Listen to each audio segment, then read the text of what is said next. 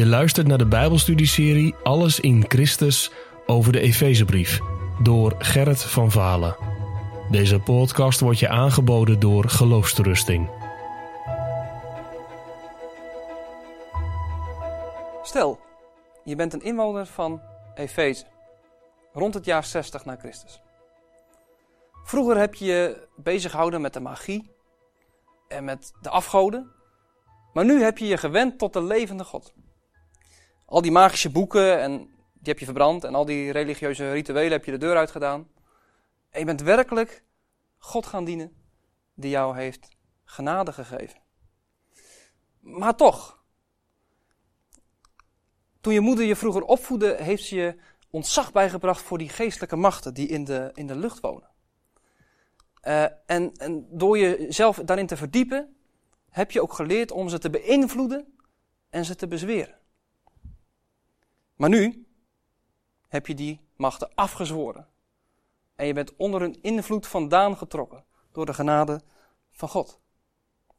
Maar toch, toch is er ergens nog een blijvende angst in je. Zouden die machten toch niet machtig zijn? Zouden ze je toch niet iets kunnen, kunnen aandoen? Zouden ze je leven toch niet een negatieve wending kunnen geven? Of je misschien zelfs in de, in de dood kunnen storten?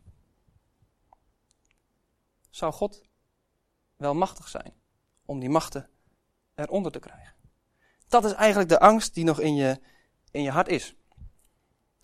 En dan lees je op een dag, of beter gezegd, dan hoor je op een dag een brief van Paulus voorlezen. Want zelf kun je niet zo goed lezen. En in die brief bemoedigt Paulus de gelovigen in Efeze en in de omstreken van Efeze. Uh, hij zegt bijvoorbeeld in vers 15 en 16: Daarom, omdat ook ik gehoord heb van het geloof in de Heer Jezus onder u en van de liefde voor alle heiligen, houd ik niet op voor u te danken. Dus Paulus is gewoon heel erg blij met hoe het in Efeze gaat. Hij dankt voor het geloof en voor de liefde van de gemeente, ook van jou. Dus een hele grote bemoediging om dat te horen. Maar Paulus die gaat ook bidden. Want hij zegt, als ik in mijn gebeden aan u denk. Paulus is voortdurend bezig met die mensen in Efees, als hij voor het aangezicht van God aan het bidden is. En wat bidt hij dan, is dan de vraag. Hij bidt dan dat de God van onze Heer Jezus Christus, de Vader van de heerlijkheid, u de geest van wijsheid en van openbaring geeft in het kennen van Hem. Paulus zegt, Vader God, wilt u deze mensen in Efeze, die grote goddeloze stad, vol verleiding en vol weerstand, wilt u ze inzicht geven? Uw Heilige Geest, de geest van inzicht. Wilt u ze uw geest geven van openbaring? En als je dat zo hoort voorlezen, denk je, ja, dat is werkelijk wat ik, wat ik nodig heb. Inzicht, wijsheid, openbaring. Een nieuw perspectief op mijn leven. En Paulus gaat verder en hij vraagt de God, wilt u ze geven verlichte ogen van het verstand? Om te weten. De mensen hebben kennis nodig. Kennis van zichzelf, kennis van, van God, kennis van hoe de wereld uh, geregeerd wordt. En wat is dan wat ze moeten weten? Dat staat in vers 18. Allereerst vraagt Paulus, wilt u ze laten weten, Heere God, wat de hoop van uw roeping is? Ten tweede, wat de rijkdom is van de heerlijkheid van uw erfenis in de heilige. En dan het derde, wat de alles overtreffende grootheid van uw kracht is. Aan ons die geloven.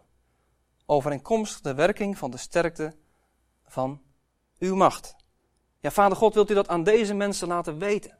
Wat uw hoop is, wat uw erfenis is, maar ook bovenal hebben ze nodig om te leren wat is uw kracht zodat ze staande kunnen blijven in die gevaarlijke wereld vol demonen. Paulus zegt die alles overtreffende kracht. Maar je vraagt je af, als die inwoner van Efeze, van ja, wat is dan die kracht? Hoe groot is die kracht dan wel? Want je hebt nog steeds die blijvende angst. Is die kracht ook werkelijk groter dan al die demonen en al die afgoden en al die machten en al die krachten die hier in Efeze als het ware ons naar de kil lijken te vliegen? Paulus zegt, ga maar eens kijken. Hoe groot is die kracht? Wil je weten hoe groot die macht is? Kijk dan eens wat God met die kracht gedaan heeft. God heeft die kracht gewerkt in Christus. En wel op een aantal momenten. Als eerste heeft hij die kracht gewerkt toen hij Christus uit de doden opwekte. Dan kun je nagaan wat voor kracht daarvoor nodig was. Als de dood met alles wat in de dood was, Christus eronder wilde houden. Maar de dood kon het niet. Want de kracht van God was groter. Die kracht heeft God ook gewerkt in Christus toen hij hem aan zijn rechterhand zette. In de hemelse gewesten. En als derde zegt Paulus, God heeft die kracht ook gewerkt in Christus toen hij hem alle dingen aan zijn voeten onderworpen heeft. Alle dingen, alle levende wezens, heel de schepping. En hij heeft hem als het hoofd over alle dingen gegeven aan de gemeente waar ook jij toe behoort. Dat is een geweldige bemoediging als je dit hoort. Zo groot is dus die alles overtreffende kracht van God. En we kijken naar Christus en we zien hoe God dat heeft gewerkt. En bovenal word je vertroost door vers 21, waar staat dat Jezus door God een positie van autoriteit heeft gekregen. Ver boven alle overheid en macht en kracht en heerschappij en elke naam die genoemd wordt, niet alleen in deze wereld, maar ook in de komende. En hier denk je, ja, dit heb ik nodig. Want ik was zo bang voor die afgoden. Voor die goden van vroeger die ik gediend heb en die ik nu niet meer dien, maar toch lijkt het alsof ze mijn leven nog iets kunnen beïnvloeden. En dan zie ik hier staan dat Jezus macht heeft gekregen. Boven die afgod, dat ze aan zijn voeten liggen. En in je hart voel je dat Christus werkelijk ook alles is. Hem is gegeven alle macht in hemel en op aarde. Hij is alles. En de afgoden zijn werkelijk niets. Want ze zijn aan zijn voeten onderworpen. En als je dit zo hoort voorlezen, voel je in je hart ook een dankgebed opkomen. En je buigt je knieën voor God. En je zegt, dank u vader, dat ik dit mag zien door deze brief van Paulus. Dank u dat, dat u dat aan mij hebt laten weten. Dat ik niet hoef bang te zijn, maar dat door de kracht van u, die in Christus werkt, dat er geen reden is meer om te vrezen. Geen, er is geen angst meer nodig, want Jezus leeft. En terwijl je zo op je knieën ligt voor God, komt er als het ware een lied in je hart op. Omdat Hij leeft, ben ik niet bang voor morgen. Omdat Hij, Jezus leeft, is mijn angst weg. En omdat ik weten mag, Hij heeft de toekomst, is het leven het leven waard. Omdat Hij leeft.